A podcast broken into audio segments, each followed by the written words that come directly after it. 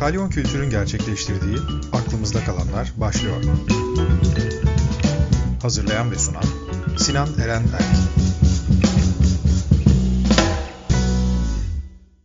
Herkese merhaba. Aklımızda kalanların yeni bölümüne hoş geldiniz. Bugün konuğumuz menajer Özlem Köseoğlu. Gerçi menajer diyorum. Buradan çok emin değilim. Kendisine sormak için böyle söyledim. Özlem nasılsın? İyiyim Sinan, teşekkürler. Sen nasılsın? Ben de iyiyim. Şimdi başta menajer dedim ama aslında çok da öyle diye bir açmaya çalıştım konuyu. Biraz senden dinlemek istiyorum onu. Henüz seni tanımayanlar için, yeni tanıyacaklar için de belki. Tam olarak bir menajer mi demeyi tercih ediyorsun kendine yoksa menajer demek biraz kısıtlıyor mu seni? Artı bir de biraz da kendini bize tanıtırsan belki ondan sonrasında konuşmaya başka bir yöne doğru çekeriz. Yani aslında şu anda yaptığım iş menajerlik. Dolayısıyla kestirme ifadeyle menajer yanlış bir tanım değil. Fakat ben 22 senedir müzik sektöründeyim ve hemen hemen her tarafında, her açısında yer aldım müzik sektörünün sanatçı tarafında da, organizasyon tarafında da, yönetim tarafında da. Bunu 30 yıla uzatabilirim e, müzik sektörüne komşu yaptığım işlerle birlikte. Dolayısıyla aslında biraz da galiba menajer tanımının içi çok boşaldığı için müzik sektörü profesyonel demeyi tercih ediyorum. Ama evet son bir 5 yıldır menajerlikle uğraşıyorum.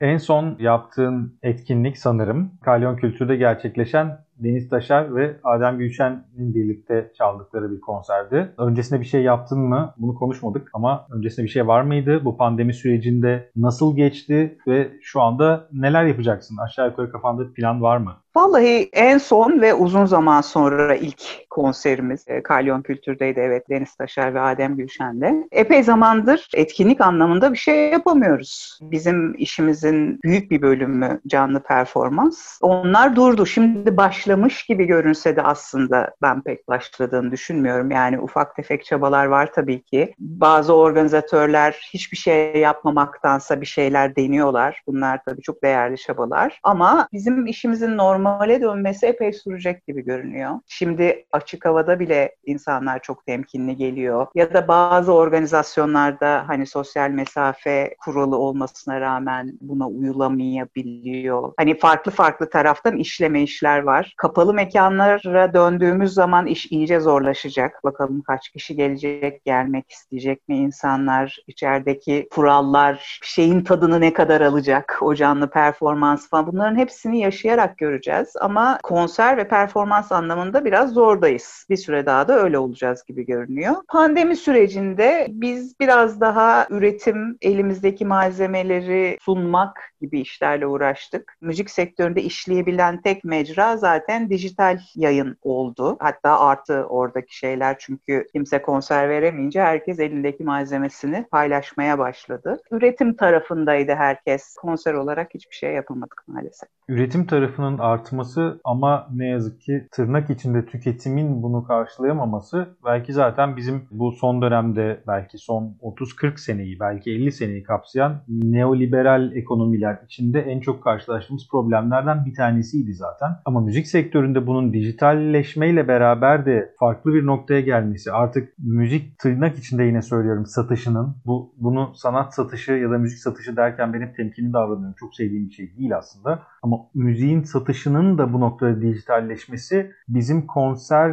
kayıtları ya da konserler üzerine aldığımız keyfi sanki biraz farklılaştırmaya başladı gibi geliyor. Doğru mu? Yani konserin zevki bence hiçbir zaman dijitalde karşılanamaz. Yani hatta yani sen kayıtlardan şeyden audio kayıtlardan bahsettin ama e, bu pandemi döneminde çokça online canlı yayın yapıldı. Herkes birbiriyle konuştu, işte müzikler yapıldı vesaire falan. Çabalar harika ama bir yerden sonra biraz böyle zorlayıcı olmaya başladı. Çünkü bir, teknolojik olanaklar izin vermiyor. İki, hiçbir zaman canlının duygusunu vermesi mümkün değil. Instagram'da yapılan bir canlı performansın. E, ama tabii ki yani boş durmak yerine herkes bir kendini ifade etme çabasına girdi. O da anlaşılabilir bir şey. Ama canlının yerini hiçbir şeyin tutacağını düşünmüyorum. Yani o yüzden de şu anda bir şeyler yapılacak işte az az seyirciyle falan ama çok zor sektörü döndürmesi çok zor e, bu çabaların. Hepimiz bir bilinmezlik içindeyiz ve bekliyoruz Başka da yapacak bir şey yok gibi. Aslında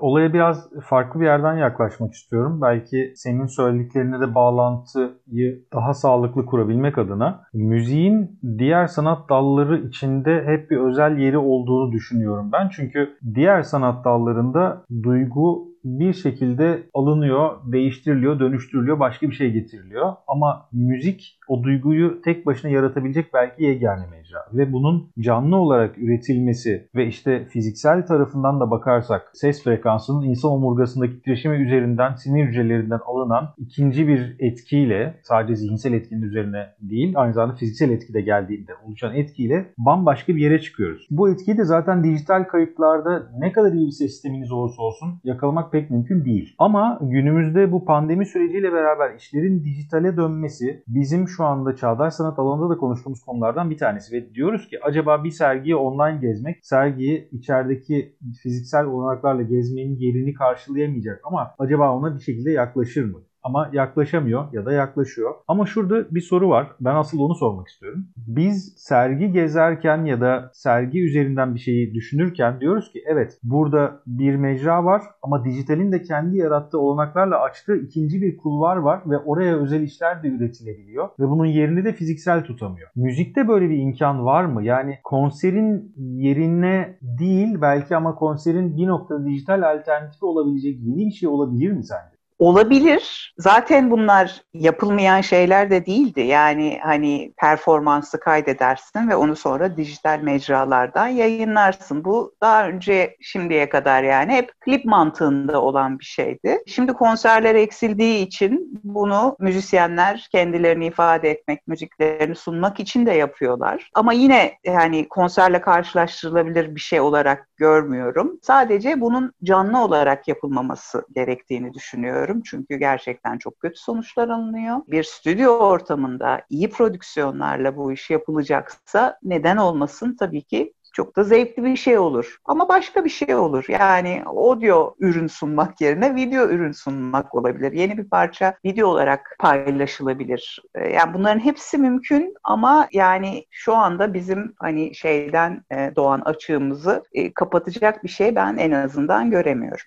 Peki o zaman işi biraz da konuyu biraz daha başka bir yere taşımak için soruyorum. Bir menajerin sanatçıyla olan bağı nasıldır? Yani sadece bir sanatçıyı temsil etmek şeklinde midir bu? Yoksa zamanla gelişen bir dostluk, arkadaşlıkta mı söz konusu? Yoksa çok mu profesyonel davranmak durumunda? Ya da sanatçının hangi ihtiyaçlarına koşan, hangi ihtiyaçlarına koşmayan bir pozisyonu var menajerin müzikte? Şimdi tabii menajerden ne anladığımızla çok alakalı bir şey. Dünyada anlaşıldığı şekliyle menajerlik bir kariyer yönetimidir. Hatta bir marka yönetimidir. Türkiye'de bizim maalesef aramızda sıkça yaptığımız bir espridir. Emlak komisyonculuğudur. Yani satarsın, üzerinden komisyonunu alırsın olarak bakılan bir şeydir. Halbuki dünyada satışla kariyer yönetimi çok net bir şekilde ayrılmış durumdadır. Yani menajer satışı da içeren, sanatçının kariyerini ilgilendiren her konuyla muhataptır. Ama booking dediğimiz hikaye, booking agency'ler satışı gerçekleştirir. Ama menajer işte müzik sektörü üzerinden konuşursam işte plak şirketiyle ilişkilerden medyaya, konser satışından etkinlik yönetimine, sanatçının bir röportajda nasıl konuşacağından ne giyeceğine kadar kariyerini ilgilendiren her şey. Yani albümüne hangi parçanın seçileceğinden işte ilk klibin hangi parça yani bütün yaratıcı süreç süreçte de, pazarlama sürecinde de yer alan bir yöneticidir aslında menajer. Ve bu ilişkinin sağlıklı yürüyebilmesi için sanatçı ve menajer arasında bir güven bağı olması gerek. Çünkü sanatçı sını doğru temsil edebilmek için menajerin onu bir kere çok iyi anlaması gerekiyor. Bana göre menajerlik 7-24 bir iştir. Ve o sanatçı nasıl üretir, nasıl motive olur, cesareti nerelerde kırılır, onu nasıl güçlü tutabilirsin? Bunların hepsini anlamak bir kere bir e, emektir ve sabırdır. Dolayısıyla bir ilişkiye, bir menajer sanatçı ilişkisine girildiğinde ki ben şu anda hala kendi kafamdakini ve dünyada uygulanan benzer bir modeli anlatıyorum. Türkiye'de böyle işlemiyor. Onu da ayrıca söylerim. Hemen sonuç alınamayabilir. Bu bir zaman yatırımıdır. Ama tabii ki sanatçı tarafında o kişinin ne kadar hazır, ne kadar kendine güvenli ya da güvensiz olduğuyla alakalı olarak bu sabır kişiden kişiye göre değişebiliyor. Hemen sonuç almak isteyebiliyor sanatçılar. Ve aslında kendilerine düşen görevi yani menajer bir yandan da yol göstericidir. Bir rota çizer. Şöyle şöyle yaparsak buraya varırız. Böyle böyle yaparsak bu olur gibi ki ben bütün yeni başlayan ilişkilerimde o sanatçıya özel düşündüğüm şeyi anlatırım. Yani benim doğru bulduğum yöntem budur. Sen ne dersin? Aynı fikirde miyiz? Girelim mi bu yola? Hep böyle başlarız. Sonra bir şekilde aslında e, böyle yürümez ama çünkü hızlı sonuç almak ister sanatçı. Heyecanlıdır. İşte bir an evvel konserler ver, veremezse kırılır. Aslında bir psikolojik tarafı da var bu işin. Şimdi Türkiye'de gerçekten menajer dediğimiz şey çevresi olan yani daha doğrusu makbul menajer dediğimiz şey çevresi olan sanatçıya hemen konser bağlayabilecek kişidir. Fakat çevre bir yere kadar işe yarar. Eğer sanatçınız talep görmüyorsa, henüz hazır değilse, henüz bilet satmıyorsa ve o mekanı doldurmuyorsa çevre bir seferlik işe yarar. İkinci de olmaz. Çünkü yani güçlü menajer aslında telefonu çalan menajerdir. Bunu da sanatçı sağlar. Menajerin görevi o sanatçının kalitelerini kullanarak onun dikkat çeker, fark edilir ve tercih edilir hale gelmesini sağlamaktır. Onun için konser aramak değildir aslında. Çünkü menajer sanatçısını var ederse bir şekilde görünür kılarsa o telefonlar zaten çalmaya başlıyor. Ama sanatçı kendi üzerine düşeni sabırsızlığı sebebiyle ya da aslında her şeyi çok iyi bildiğini zannettiği için bir an evvel ön saflarda yer almak isterse olmuyor. Olmuyor çünkü yani ben işte 30 yıla yakındır bu sektördeyim. Herkesi tanıyorum ama öyle yürümüyor bu işler. Yani her şeyi menajerden bekleyemezsiniz gibi bir durum var. Peki şunu sormak lazım o zaman. Aynı zamanda fotoğrafçıyla da bir fotoğraf sanatçısıyla da ya da ne diyorsak adına ne demek istiyorsak çalışıyorsun ve dolayısıyla işin çağdaş sanat tarafı üzerinde de aslında bir fikrin var, bir bilgin var. Böyle baktığımız zaman çağdaş sanat tarafındaki sanatçı danışmanlığı ile müzikteki menajerlik birbirini sence ne kadar tutuyor ya da ne kadar tutmalı Şöyle söyleyeyim, başta anlattığım yani sanatçının görünür kılınmasına dair ya da sanatçıyı anlamak, onunla işte onu en verimli haline dönüştürebilmek gibi fonksiyonları düşünürsek menajer her farklı disiplinden sanatçının menajeri olabilir. Ama orada senin biraz evvel söylediğin gibi tabii sektörü tanımak, sektörün işleyişini bilmek. Burada pazarlama kısmında bunlar daha ön plana çıkıyor. Yani sektörü bilmek, o, o sektör oyuncularını tanıyor olmak tabii ki çok önemli. Yani ben bir sanatçıma sergi yapacaksam oradaki işleyişi bilmek durumundayım. Şimdi benim uzmanlığım müzik sektörü. Fotoğraf sanatçısı Atilla Durak'la birlikte çalışıyorum ama hani o sektörde uzman olduğumu söyleyemeyeceğim. Orada başka bir şeyimiz var. Yani ben Atilla'nın bilgi ve birikimini bir işleyişe çevirebilecek bilgi ve tecrübeye sahibim. Aslında orada öyle. Yani hani ben herkesin menajerliğini yapabilirim gibi bir iddiam yok. Yanlış olur bu. Ama en azından bunları karşılaştırabilecek bir bilgi olduğu için elinde orada olanlarla öbür tarafta olanlar arasında bir bağ kurulabiliyor. Bu da belki içinde bulunduğun sektörün diyelim ya da ortamın ne olduğunu anlamak için biraz daha insana ipucu veren bir şey. Evet, şöyle söyleyeyim. Şimdi bu farklı sektörler hikayesi eğer bir sanatçı birden fazla disiplinde üretim veriyorsa yani atıyorum hem oyuncu hem de şarkıcı. Orada şeye karşıyım mesela oyunculuk menajeri, müzik menajeri. Hayır öyle bir şeyin olduğuna inanmıyorum ben. Ha oyunculuk ajansı, müzik ajansı olabilir satışları gerçekleştirmek için tamamen ama kariyer bir tane. Birbiriyle çakışmadan bu iki disiplinin iyi yürümesi ve birbirini beslemesi anlamında bir kişi tarafından yönetilmesini gerektiğini düşünüyorum. Yani ikisi birbirinden biraz farklı ama öyle zaman zaman çalıştığım insanlar oluyor mesela. Farklı şeylerde üretimleri var. Ama bunlar birbirini nasıl destekleyecek? Nasıl birbirinin önüne geçmeyecek? Öncelik sıralamasını neye göre yapacağız? Bu iki ayrı kişi çünkü ya iki ayrı menajer olursa her menajer kendi işini var etmeye çalışacak doğal olarak ve birbirini desteklemeyecek. Yani bunu her zaman söylerim. Tek kişi tarafından yönetilmesi gerekiyor.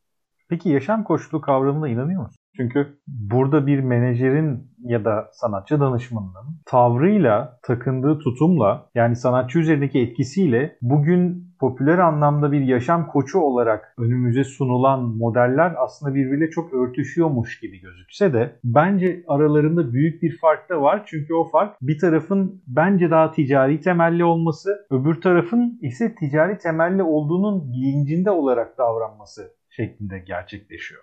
Bence menajerlik bir ölçüde yaşam koçluğunu da içeriyor. Çünkü hani kariyerini ilgilendiren her şey dedim ama sonuçta elimizdeki ürün bir insan. Yani hayatta durduğu yer üretimlerini ve kariyerini çok ilgilendirecek. Yani oralarda da çok destek vermek gereken tabii ki ilişkiye bağlı yine karşılıklı güvene bağlı, o sanatçının kendisini ne kadar açabildiğine bağlı hepsiyle alakalı ama yani bir insan hayatında debelenip duruyorsa ürünleri de muhakkak o anlamda etkilenecektir ya da e, yani kariyerinde ne kadar sağlam durabildiği. Hepsi birbiriyle alakalı aslında bir insan materyali üzerine. Yani aslında bir ürün gibi gözükse de bir insan materyali üzerinde çalışıyoruz. Elbette. Yani aslında biraz da söylemeye çalıştığım şey oydu. Menajer aslında bunun bir noktada ekonomik temelli olduğunu, finansal temelli olduğunun bilincinde ve sanatçıyla da böyle bir ilişki üzerinden sonrasında da ve onunla birlikte o yaşam koçluğuna yakın olan tarafı götürdüğü için bana genel olarak yaşam koçluğunun kitap evlerinde gördüğümüz en çok satanlar bölümündeki kişisel gelişim kitaplarından çok daha samimi geldiğini söyleyebilirim. En azından burada bir takım sınırlar iki taraf için de bilinen beklenen bir durumda olduğu için bana daha doğru geliyor. İçinde yaşadığımız modelden bahsederek söylüyorum. Ama biraz önce çok güzel bir şey söyledin aslında. Ona insanın hazır olması da gerekli diyor. Sanatçıların, müzisyenlerin ne kadarı gerçekten şu anda Türkiye'deki e, biraz önce bahsettiğin menajerlik olgusunun için boşaltıldığını da bir tarafa koyarak düşünürsek sanatçıların, müzisyenlerin ne kadarı gerçekten bu duruma hazır ya da ne kadarı hazır olmak için çaba gösteriyor sence?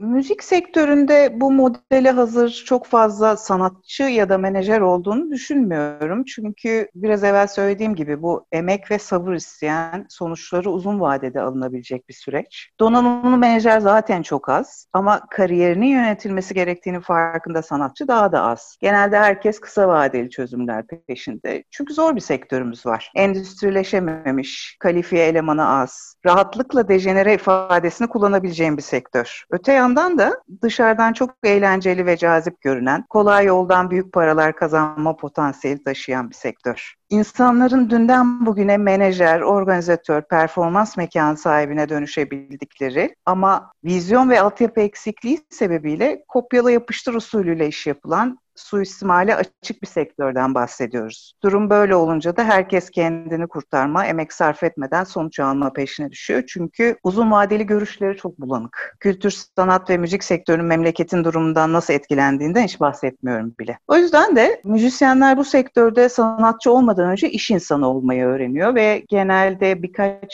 sözde menajer kazası yaşadıktan sonra da kendi menajerliklerini yapmaya başlıyorlar bana sorarsanız hiçbir sanatçı kendi menajerliğini yapmamalı. Öncelikle durumlara tarafsız bir yerden bakamaz çünkü işin içinde sanatı ve duyguları vardır. Hassastır, iş kaçırmak istemez, kolay kandırılır. Çünkü bu onun işi değildir. Elbette konuya dair bir fikri vardır ama işi işin profesyonellerine bırakması onun hayrına olacaktır. Çünkü sen sanatçısın, o eserleri yazmışsın, pazarlık yapamazsın, olmaz. Kendi değerini düşürürsün. Türkiye'de menajerleriyle sağlıklı bir ilişki yürütenlerin marka olabildiklerini görürsünüz zaten. Bu sanatçının kendine verdiği değerdir aslında. Dolayısıyla da değer görür. Biraz önce söylediğin şeyde şu vardı. Yani sanatçı kendi başına ne kadar yetebilirden çok bu işin pazarlama tarafında ya da marka yönetimi diyelim tarafında neler yapabileceğine dair bir şeyden bahsettik ve bu bir ekspertiz istiyor. Bir e, uzmanlaşma istiyor ve sanatçı kendi alanına yönelirken de bu uzmanlaşmadan yoksun olabiliyor. Belki de yoksun olması gerekiyor ki kendi tarafına daha rahat uzman uzmanlaşabilsin, zaman ayırabilsin. Tabii böyle durum olunca da menajerin üzerine daha büyük bir yük düşüyor. Daha bir sorumluluk düşüyor. Peki bu model, bu menajer modeli genel olarak Türkiye'de nasıl işliyor? Bu model nadiren yürüyor, çokça da yürümüyor bana sorarsan. Eğer iki kişi arasında karşılıklı güven tesis edilebilmişse, sanatçı temsile teslim olabilirse, her zaman birbirlerinin çıkarlarını koruyacak şekilde hareket ederlerse, biraz da sabır ve güven varsa bu ilişki yürüyor ama bu sıkça karşılaşılan bir tablo değil ne yazık ki. Özellikle sanatçı koşullara göre hızla değişkenlik gösterebilecek bir yapıya sahipse ve birlikte belirlenen stratejiye aykırı davranıyorsa bu ilişki kariyer yönetiminden çıkıp karşılıklı çırpınmaya dönüşüyor ve tünelin sonundaki ışık bir türlü görünmüyor. Bir de sektörümüzün önemli bir sıkıntısı da yetenekli müzisyenlerimizin büyük bir bölümünü popüler müzik piyasasına kaptırıyor olmamız. Tabii ki çalacaklar. Bu dünyada da böyle ama o yaşam standartlarını korumak daha çok daha çok eşlik gerektiriyor ve bir süre sonra kendi üretimlerine yeterince ya da kaliteli vakit ayıramaz hale geliyorlar. Bu da menajerin hareket kabiliyetini müthiş kısıtlıyor çünkü onun bir çaba içine girebilmek için malzemeye ihtiyacı vardır. Sanatçısı elinin altında ve kendi üretimlerine odaklı olmazsa menajer mucize yaratamaz. İşin doğrusu onun gücü sanatçısıdır. Sanatçısının yetenekli olması ise hiç yeterli değildir. Var olması da gerekir yoksa ortada yönetilecek bir marka kalmaz ve o eşlikler kariyerin kendisine dönüşebilir. O yüzden sanatçının kendi üretimine konsantre olamadığı durumlardan da pek bir başarı hikayesi çıkmıyor.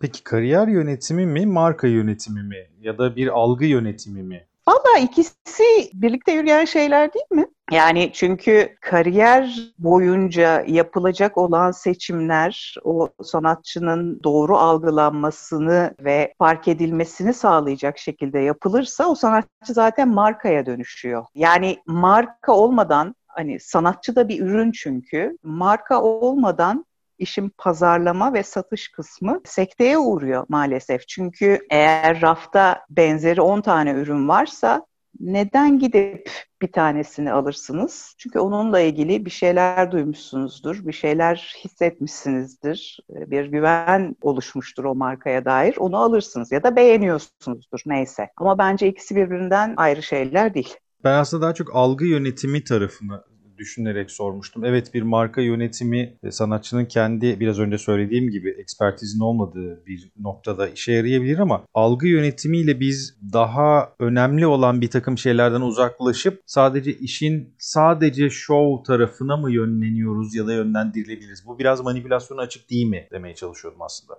Tabii ki yani algı yönetimi zaten sunduğunuz ürünün içinin ne kadar dolu olduğuyla çok alakalı bir şey değil. Ona inandırmakla alakalı bir şey ama benim hiç tecrübe ettiğim bir şey olmadı kendi kariyerimde bu. Çünkü hep yetenekli müzisyenlerle çalıştım. Çünkü önce kendim inanmam, heyecanlanmam gerekiyordu o sanatçıyı temsil edebilmek için. Dolayısıyla ben var olanı doğru algılatabilmek üzerine stratejiler kurmaya çalıştım hep. Ama bu söylediğim müziğin popüler müzik sektöründe tabii ki çokça uygulanan bir şey. Burada şunu belki sorgulamak gerekiyor. Söylediğin model içinde sanatçının bir sanatçı olarak idealizminden söz ediyoruz. Yani ben bir sanatçıyım ve sanatçı olarak buna devam etmeliyim. Menajer de kendi işini yapmalı ve böylece birlik halinde bir yere çıkmalıyız diyoruz. Ama günümüzdeki işte bu algı yönetimi üzerinden gördüğümüz model ya da Türkiye'de biraz önce senin anlattığın model bunu tam olarak karşılayamıyor. Dolayısıyla aslında biz Türkiye'deki sanatçılara idealist olmamayı mı biraz aşı aşılıyoruz? Biraz onu mu öğretiyoruz? Valla biz derken Türkiye'nin koşullarından bahsediyorsak evet kestirmeci olmayı ve ya başkası yapıyor ben de yapabilirimciliği öğreniyor herkes. Bu sadece müzikte sanatta da değil yani her yerde karşımıza çıkan kültürümüzün dönüştüğü şey sanıyorum bu. Ama yani şu da var işte eğer bir sanatçı kendi özündeki şeyi kaybeder popüler olana yönlenir ya da birlikte çizilen kalite algısına ya da fiyat politikasına aykırı seçimler yaparsa o sanatçı her zaman var olabilir. Yani sektörde para da kazanır, para sıkıntısı da çekmez ama o istediği yere hiçbir zaman varamaz. Ya da ben en azından görmedim, tecrübe etmedim. Yani tanınır olmak, bililir, tercih edilir kendi işiyle ama başkalarına yaptığı işlerden bahsetmiyorum. Kendi işiyle talep edilir, hemen tanınır, bilinir, tercih edilir olmakla ilgili ki bu da biraz markanın altını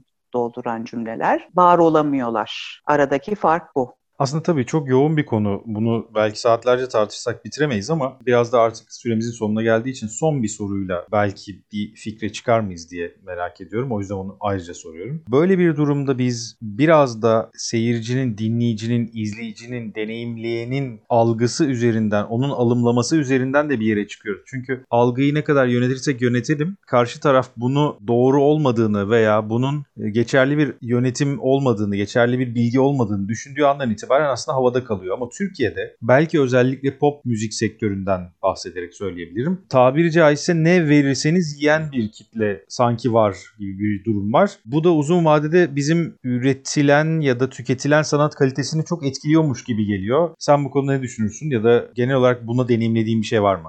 Tabii ki zaten sektörel olarak en büyük problemlerimizden biri bu. Ama benim faaliyet gösterdiğim alan ağırlıklı olarak caz ve alternatif müziklerin üretildiği alan olduğu için zaten pastanın o kadar ince bir dilimi içinde hareket ediyoruz ki yani o hızlı tüketen kitle bizim kitlemiz değil. Bizimki biraz daha bilinçli, ki onun içinde de tabii ki dereceleri var. Müzik dinleyicisi ama içinde bulunduğumuz imkanlar sebebiyle yani medyanın durumu mesela her şeyden önce üretimlerimizi sunmakta ve o kişilere ulaştırmakta güçlük çekiyoruz. Şimdi medya problemli ama öte yandan da sosyal medya diye bir şey var hayatımızda. İnternet var, teknoloji var. Dolayısıyla hani koşullardan şikayet etmek yerine elimizdeki imkanları doğru kullanmak ama işte burada tekrar şeye dönüyoruz düşünüyoruz. Gerçekten biz bunu istiyor muyuz? Bu bizim tutkumuz mu? Bu müziğimizi insanlarla paylaşacak mıyız? Yoksa ya bak şu popüler işi yaparsam ben acayip hayatı yırtarım mı? Yani bu dönüp dolaşıp yine insan kalitesine ve özgüvenine ve kararlılığına e, dönüyor.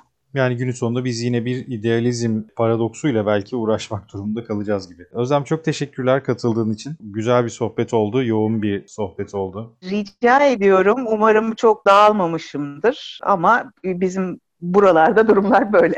Böylelikle aklımızda kalanların bir bölümünün daha sonuna geldik. Gelecek hafta yeni bir konu ve konukla buluşmak üzere. Herkese hoşçakalın.